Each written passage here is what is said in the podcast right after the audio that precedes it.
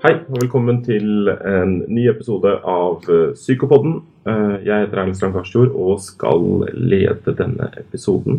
Og med oss i dag så har vi Kristin Øvergaard. Du er eh, overlege, skråstrek barne- og ungdomspsykiater og forsker ved Oslo universitetssykehus. Og ekspert på ADHD-problematikk. Og Det er veldig flott at du er her i dag, for det er nettopp ADHD som er dagens tema. Velkommen hit. Takk skal du ha. Du, jeg tenkte at vi eh, får begynne som vi pleier, og bare undre oss hva er egentlig eh, ADHD for noe, Kristin? Ja, altså ADHD, sånn som vi definerer det i dag, det er jo en sammensetning av eh, visse symptomer. Noe som man kan se ved å se barn eller unge, unge eller voksne som har det. Og da eh, viser det seg mye uro. Eh, det kan være at man springer omkring eller klatrer i trappen eller henger, seg, henger opp etter eh, lysekronen. Eh, eller det kan være finmotorisk uro, at man fikler og plukker og, og kanskje vipper av på stolen og sånn. Eh, og impulsive symptomer. At man ikke venter på tur. At man avbryter eller gjør ting uten å ha tenkt seg om. Hopper i vannet uten å sjekke om det er vann der, hvis man er ved bassengkanten f.eks. Eller det kan være at man er, øh, eller at man er uoppmerksom. At, øh, at man ikke følger med på hva som blir sagt. Ikke klarer å holde fokus på de oppgavene man skal gjøre. Blir avledet av andre lyr i rommet som ikke er det, det man skal følge med på, f.eks. Og dette henger da sammen i eh, som man har eh, litt avhengig av hvor, man, hvor gammel man er, så blir symptomer mer eller mindre tydelige. Så for de minste så er det gjerne mye eh, sånn overaktiv uro, løpe omkring i, i stort omfang. Og etter hvert som man blir eldre, så blir det mindre av det, og mer fikling og, og rastløshet og, øh, og uoppmerksomhet. Nettopp. Så ADHD er da, som navnet sier, da, en oppmerksomhetsproblemer, altså attention deficit, er det ikke det? Ja, Um, Og ja, Attention deficit, deficit hyperactivity disorder står det Ja, for. Så det er liksom alle de tre symptomene i, i, i, samspill. Ja. Uh, så man har jo eh, I det amerikanske systemet så bruker man liksom den kombinerte typen. Da har man alle tre Mm. eh, symptomgruppene. Og, og så kan man dele inn i ADD, som er bare uoppmerksomhet. Ja. Eh, eller hyperaktiv impulsiv type, da, som bare har uro og impulsivitet. Mens det europeiske systemet så er det mer slått sammen i en, en stor gruppe, da. Så å si det enkelt. og da kaller vi det ADHD. Men man kan, det kan være litt varierende hvor mye man er plaget med henholdsvis hyperaktivitet og oppmerksomhet. Det er det du sier da, fra individ til individ. Jeg prøvde vel å si at det er en del av en ut, altså Barn og unge utvikler seg jo. sånn Ja, at eh, det er en utviklingsforstyrrelse, så det skal jo komme til tidlig i livet. Ja. Eh, Nå har riktignok det amerikanske systemet liksom hevet frist, eller, eh, nivå, eller aldersgrensen til tolv, da. Men eh, ellers så har det jo tradisjonelt vært en, en sånn tidlig barnealder før skolestart som har vært debutalder. Ja, At man må se tegn på dette. Ja, at det ikke er noe som kommer liksom plutselig når man er 15. da. Ja. Um, og da ender, i takt med at barnet utvikler seg, så endrer jo også um, symptombildet seg noe. Sant? Men i tillegg til at det skal være symptomer til stede, så skal det være til stede flere steder. Eh, ikke bare f.eks. i en situasjon du er engstelig, eller eh, at én ser det. Eh, det skal være i flere situasjoner, og det skal være mm, i funksjonsnedsettelse. Mm. Så hvis du føler at du har en uoppmerksomhet, men du klarer å få gjort ferdig alle eksamene dine, og eh, egentlig ingen merker at du, du har noe problem med det, så eh, kan du ikke si at du har en, en ADHD. Da. Så ut fra en uoppmerksomhet. Så hva, for dette er jo interessant, fordi at man kan jo, de fleste mennesker kan jo kjenne seg igjen i dette med rastløshet og oppmerksomhetsproblemer. da. Mm. Men hvor er liksom de tingene du vektlegger hvis du skal på en måte gjøre en grenseoppgang mot normalitet? Hva, hva tenker du da? Det er særlig de tingene vi vektlegger diagnostisk. da. Ja, det er jo eh, for så vidt strenge kriterier at du skal telle hvor mange symptomer som eh, for barn, særlig foreldre, rapporterer da, eh, at er til stede. Og da eh, går du igjennom eh, de symptomene som er, og så skal du komme over at du har et visst antall. Og så skal du i tillegg ha det flere steder enn ett. Mm. Så du, for barn og unge så er det helt vanlig å dra pedagoger drar til skolen og observerer, eller man får inn informasjon fra lærere. Og, og, så skal det være funksjonsnedsettelse. Så det er de tre tingene som du sammen må vurdere. Og det kan jo være litt vanskelig, fordi at barn oppfører seg litt forskjellig i ulike sammenhenger. Jenter f.eks. kan være ganske eh, gode på å tilpasse seg sosialt til skolen. Det kan være vanskelig for lærere å se at de sitter og ser ut av vinduet og tenker på andre ting. Og, og de da sier nei, der er det ikke noe problem. Så får kanskje ikke jenta hjelp for de problemene som allikevel er der. Da. Så vi er jo alle sammen litt sårbare for å um, ikke være så gode observatører alltid. Ikke sant.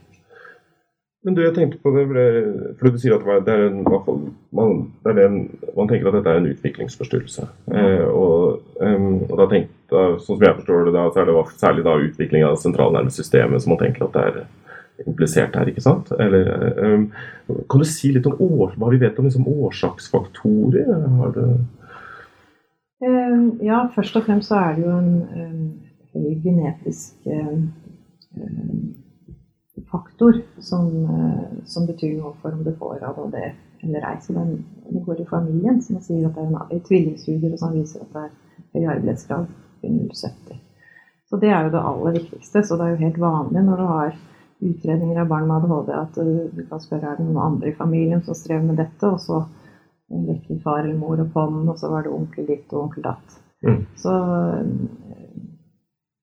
Eh, det er jo det aller viktigste. Så er det klart at det er jo, som for alle psykiatriske lidelser, et samspill med miljøfaktorer. Men det er jo Det har jo vært vanskelig å finne gode, altså sikre miljøfaktorer. Men for undergrupper så er det klart at f.eks. hvis man er for tidlig født, så vil jo det være en gruppe som er, har høyere risiko for å kunne få ADHD. Ja, som et eksempel. Eller syndromer som man kan ha på barneklinikken. Der er det også eh, flere som har det. Eller andre nevrobiologiske tilstander, sånn som psykisk utviklingshemming. Der er det også noen som er veldig aktive, og som også fyller kriteriene for en ADHD. Så men, men, selv om vi vet, altså, vi vet at dette er en sykdom eller en lidelse da, med en høy grad av arvelighet, og den også har sitt sannsynlige eh, årsak i nevroutviklingen. Har vi på en måte noen sånne, Kan vi bruke noen sånne altså vet vi, Har vi funnet noen sånne nevrobiologiske korrelater til et altså, sånne type tegn som vi vet liksom at det er typisk for ADHD, eller er det, sliter vi med det? Dessverre. Mm. Vi vil jo gjerne i utredninger ha noe sånn liksom, objektivt mål. Mm. Men det har vi ikke. Så det er fortsatt atferdsbeskrivelser som gjelder. Eh, og og det er jo ulike og varierende funn i sånne nevrobiologiske studier som man kan eh, eh, altså se på. Men det er ikke sånn at hvis du finner la oss si, eh, litt større ventrikkelstørrelse, så å ja, da det, må det være det. Ja. Så, så det, er ikke, det, er ikke, noe hjelp å få fra blodprøver eller billeddiagnostikk ennå. Som de fleste andre psykiatriske diagnoser. Du, hvor vanlig er dette? da? 5 ehm, er det som er eh, det beste estimatet vi har, som er gjort i store eh, metaanalyser. Mm. Så, og hvor gammel er man er, Hvor gammel er typisk norske barn som får ADHD-diagnosen? Hvor gamle er de da? Altså, Man blir diagnostisert eller registrert i det norske eh, pasientregisteret når man er åtte år eh, i gjennomsnitt. Eh, og det syns jo jeg er litt stusslig, fordi at eh, når jeg jobbet med, med, med barn med dette, så er det jo helt typisk at foreldre sier at dette har jeg visst siden han var kunne gå.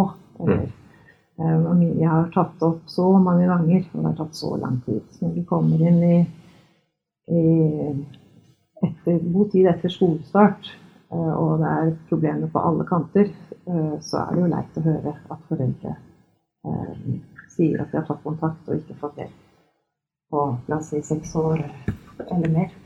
Seks år eller mer. Mm, så det kan gå man Det er mange, mange, barn som eh, går med tegn på dette ganske lenge før de får hjelp. Ja. Um, du, jeg tenkte på dette med For det er jo, det er jo ganske mye ADHD er jo absolutt noe som eh, debatteres en del. Uh, dette med, altså er, det, er, det liksom samfunnet, er, det, er det samfunnet som er sykt, eller er det barna som er syke? da, ikke sant? Igjen litt tilbake til dette med årsaksfaktorer. Hvilke tanker gjør du da om den debatten? Altså når du har jobbet i mye med ADHD-problematikk i i klinikken og sett virkelig barn som har den tilstanden. Som kommer inn på kontoret, og som det første de gjør, er å klatre opp på skapet. Og alle står og roper og gauler for å få dem ned. Eh, og du hører historier om at foreldre er livredde for at de skal løpe ut og ta på bilen i veien, eller, eller eh, at de har fått så mye klager fra lærerne i alle år på at de ikke oppfører seg, eller bare løper rundt i skolegården de skal sitte inn i klassen. Så er det jo så fra det, fra det perspektivet, når du, når du, vet hvor mye de strever, så er det veldig leit at det blir en sånn Ja, dette er jo bare et kulturfenomen, og, og bare skolen blir bedre, eller det er vi som presser barna inn for å, for å lære uh, at, at, samfunnet har skylda i vår struktur da, for at denne tilstanden er der. Og det er jo ikke, det er jo ikke noe nytt. Det har jo vært beskrevet Eh, i mange år. Så hvis man skal se på vitenskapelig eh, publikasjon om ADHD, så kan vi jo eh, se på Lancet i 1902, finne fram det. Og det var en, en som het George Still, som beskrev eh, ADHD-symptomer. Sånn som vi i dag ser i dag, med uro uoppmerksomhet og impulsivitet. Og han kalte det da den gangen som at det var en dårlig moralsk kontroll, fordi at de klarte ikke å oppføre seg så har vi jo gradvis fått eh, en forståelse av at de faktisk ikke klarer. Det er ikke det at de ikke vil, men at de ikke klarer. Og sånn sett så er det jo også liksom ekstra stigmatiserende for den gruppen at de ja, sånn, sånn, ja, vi er jo alle litt ADHD, så du får bare skjerpe deg. Det, eh, det syns jeg er problematisk. da. Samtidig som jeg jo selvfølgelig ser at vi alle sammen kan være uoppmerksomme i forskjellig grad. og rastløse. For i forskjellig grad. Så det kan jo være virkelig vanskelig å bestemme seg for akkurat hvor grensen går. Men det kan være litt sånn at også ved ADHD, som ved de fleste andre psykiske lidelser, så er det typebeskrivelse der hvor noen på en måte passer veldig godt med den beskrivelsen, og så er det noen der hvor de har tegn til det, men hvor det er mye vanskeligere å sette grensen opp mot både normalitet eller andre tilstander. da. Eh, det, bør vi tenke også sånn om ADHD. og sånn så tenke at Det er en kjerne av gjeng her som veldig tydelig beskriver eller hvor beskrivelsen passer veldig tydelig og godt. da. Mm. Eh, mens det er andre hvor det kan være vanskeligere å si om dette er ADHD, eller om vi skal kalle det noe annet. da. Er det riktig å tenke sånn? Tenker ja, du da? Eller? Det er absolutt eh, noen ganger lettere enn andre ganger. Mm. Og det kan virkelig være krevende uh, i både pga. at det kan være andre problemer. De kan være engstelige i tillegg, eller de kan ha store sosiale vansker pga. Si, en autismetilstand. Eller, eller, det kan være eh, eh, store problemer i familien. Kanskje barna har nettopp kommet i fosterhjem. Eh, sånn at det er jo det er jo noen ganger virkelig vanskelig å finne ut av hva oppi alt dette er eventuelt en ADHD-problematikk. Så så da. det er ingen som sier at dette er lett, eller at det er, eh, to streker under svaret med stor sikkerhet alltid. Nei. Nei.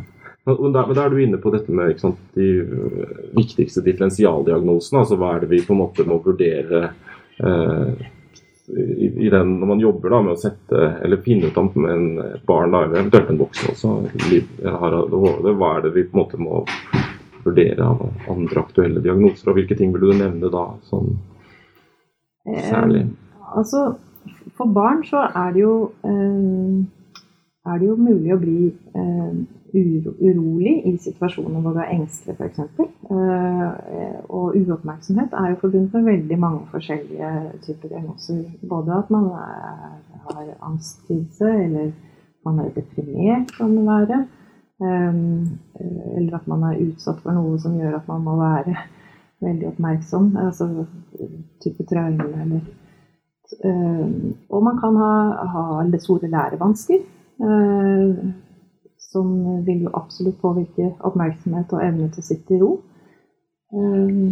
også en autismetilstand kan jo påvirke i hvilken grad man kan holde oppmerksomheten, fordi man blir man blir opptatt av andre ting enn det folk forventer at du blir opptatt av. Så da vil man se at å ja, det er uoppmerksomhet. Men det kan jo bare handle om at du syns at det du snakker om er helt uinteressant. Så det er klart at det er eh, Du er jo nødt for å, å også vurdere andre tilstander. Og særlig lærevansker er jo eh, obligatorisk i en utredning av ADHD. Du, vi må bruke litt tid på behandling også. Eh, og ikke om eh, Kunne du si litt om eh, behandlingen av ADHD? Hvilke, hva er det vi hvis du, en, hvis du sliter med ADHD, eller har et barn som sliter med ADHD, hva slags hjelp finnes? Så grunnen til at det er viktig å komme inn, eller å få hjelp for dette, er jo fordi det i utgangspunktet skaper veldig store problemer for individet og familien og i eh, de sammenhenger hvor barnet er. Da. Eh, og eh, det fins hjelp å få, og det aller viktigste er å, å få en forståelse av hva er det som er vanskelig. Eh, og ved at man får en forståelse, så kan man få eh, tilrettelagt eh, for at barnet får bedre, en bedre situasjon. Da. Og, og, i timen kan det helt konkret dreie seg om å sitte et annet sted i klasserommet, ha mindre urokråker rundt seg, få oftere pauser, ha mer kontakt med lærer eller assistent som kommer og hjelper til med å få opp bøker eller journal, eller peker i boka 'nå er du der', eller sånn konkret type rett, rettleiing i, i, eh, i, arbeidet. Eh, det kan være eh, at noen kan trenge støttekontakt eller, eller et fritidstilbud som, som passer, for dem, passer, for dem, hvor de kan få, få glede og mestring. Og det, det, viktige er jo å få til et samarbeid mellom de mange instanser som er rundt et barn som strever med ADHD. For det kan være veldig mange forskjellige tiltak som til sammen kan gjøre at barnet får det veldig mye bedre. Men mm. alle de som er med for å hjelpe til, må ha en grunnleggende forståelse av hva barnet strever med, for å kunne tilrettelegge optimalt. Mm. Og det å gi psykoedukasjon og fortelle familier og barn, hvis det er gammelt nok selv, hva dette dreier seg om, og hvordan man skal leve med det, er jo kjempeviktig. Og sånn at man kan få større forståelse og ikke bare ende i at du er umulig og du hører jo ikke etter og, og sånn. Mm. Og så er jo øh, medikamentell behandling noe som tilbys øh, regelmessig, og som er en, en valgmulighet for å få dempe symptomene. Og da er det jo mange barn som, som selv kan si at, at det, før var det som jeg satt på maurtue, men nå kjenner jeg at det er Mm. Mye bedre og roligere. Og jeg kan jo Nå kan jeg oppføre meg på skolen. Jeg får ikke så mye kjeft. Eller de har noen sånne konkrete eh, tilbakemeldinger som de kan gi. Men selvfølgelig ikke alle. Men, eh, Hvilke medisiner er det du snakker om her nå, da? Altså Førstehåndspreparatet som vi sier i Norge, det er jo eh, sentralstimulerende eh, Ritalin, da, eller metylfenidat, eh, som er det man prøver først. Så begynner man i lav dose, så går man sakte opp og ser hva barnet Hvor stor andel av de som sliter med ADHD, er det som uh, uh, nyttiggjør seg av det? Nei, Man snakker sånn oppi 70 Ja, ok. Mm. Og det er selv, Hvor lenge er det da anbefalt at man skal bruke det? da? Er det kunnskap om det? Det gjelder jo å individualisere behandlingen for ADHD og man begynner med en utprøvning som varer gjerne tre ukers tid. I opptrappende doser, og hvor man får inn informasjon fra foreldre og lærere om det har effekt. Og hvis det, man er usikker, så hender det man lengre utprøvningsperioden. Og eventuelt bytter f.eks. til eh, atomoxetin eller Stratera hvis ikke det har effekt. Eller, ja. Man må jo også vurdere om det har bivirkninger. Da, og, og sammen med andre tiltak og motivasjon til familien og sånt. Og, og så stå, har man jo for så vidt, hvis man har effekt og ikke har mye bivirkninger, så kan man jo stå på det i, i, flere år, og det er det jo noen som gjør. Men de aller fleste er jo litt av og på. Og som går lei, eller ikke syns at det hjelper i perioder, eller ikke har lyst til å stå på medisiner. Um, så, og det varierer veldig. Hvilke bivirkninger er det man særlig skal være oppmerksom på? da? Det vanligste er jo um, nedsatt matlyst og eh, søvnvansker, eller forverring av søvnvansker. For mange med ADHD har i utgangspunktet også søvnvansker. Så, eh, det er de to aller vanligste. Man kan føle seg særlig i starten litt sånn uggende. Altså man, barn kan bli litt sånn stille og som om de får en influensa, liksom. Så det er sånn stille og ugne i kroppen. Eh, og så går det gjerne over. Mens eh, nedsatt matlyst og søvnvansker er de to vanligste bivirkningene som varer ved. Mm. Jeg husker at altså, Det er mange år siden, men det var en sånn myte før at liksom, du kunne liksom teste om noen hadde ADHD ved å gi de sentralstimulerende. At hvis de på en måte ble hyperaktive, så hadde de ikke ADHD. Og hvis de på en måte ble rolige, så hadde de det, Men den myten har jeg liksom hørt at den stemmer ikke. Men uh, kan du på en måte nå uh, komme med svaret på det? Ja, uh, det stemmer nok. Det stemmer nok ikke. Mm. For, du, for, vi vil vel alle ha en effekt av um, metylfenidat. Eh, men hvis man skal måle effekt, så må man i utgangspunktet ha et type problem. Mm. Det blir jo som å ta antidepressiva hvis du ikke er reformert. Så gjør det kanskje ikke vondt verre, men du får ikke noe effekt heller. Så her, hvis du er god til å konsentrere deg, så er det jo rart hvis medisinen skal gjøre deg enda bedre, liksom. Mm. At du skal merke det. Men at det gir deg lite grann, det, det, det gjør det nok. Så du, ikke, du, får ikke en paradoksal effekt, som du er inne på, da. Nei, så det, er, det er egentlig bare det var, ja, det var tatt ut av luften på et annet vis. Ja, i hvert fall ikke altså, At noen kan ha paradoksal effekt, det skal jeg ikke utelukke. Men at det skulle være sånn for de som ikke har ADHD konsekvent, det er det ikke. Du, hvordan går det med ADHD-pasientene på sikt, da? Um, ja, det kommer litt an på hvem du spør. Uh, man sier jo, Hvis man spør den det gjelder, så er det jo 50% som sier at de har det i, voksen alder. Mens uh, hvis man spør familien deres, så er det to tredjedeler som har det i voksen alder. Så, og det avhenger nok eh, litt av også hva slags livssituasjon man har når man blir voksen. Altså om man kan si, jobbe for seg selv og gjøre litt som man vil, ha gode støttespillere. Noen som kan rydde papirene eller minne deg på oppgaver og, og den type ting. Men at, at mange allikevel kan kjenne at de har um, symptomene, men at de fungerer godt med det. Men for, for, gruppen totalt sett så viser det seg jo at uh, de med ADHD har litt dårligere prognose enn andre på en del sånne viktige livsmål, som f.eks. at de, de, gjør det litt dårligere på skolen, og de får litt dårligere utdannelse, dårligere eh, lønnsbetingelser, arbeid, mer eh, arbeidsledighet og den typen mål. Mm. Så det er sånn sett en, noe som det er viktig å være oppmerksom altså Den gruppen er viktig å være oppmerksom på. Kanskje at vi eh, ikke bare begrenser de altså hva skal man si, tiltak eller hjelp da, til barnealder, men også at man kan huske på det også inn i voksenlivet for noen. Mm, absolutt. Og at det vil være samfunnsnyttig. Og at de kan eh, bringe, de bringer noe veldig viktig inn i samfunnet gjennom å være veldig vitale og og driftige mennesker, men de må ofte ha litt hjelp til å rette aktiviteten sånn at den blir eh, nyttig. Eh, og det, hvis man klarer å få til det, så tror jeg man kan gjøre oss alle en god, god tjeneste. Flott. I hvert fall dem det gjelder. Du, det var, eh, tror jeg var en fin avslutning. ikke sant? Ja. Takk for at du kom, da. Du lærte mye om ADHD. Takk for at jeg fikk komme. Supert. Ha det bra.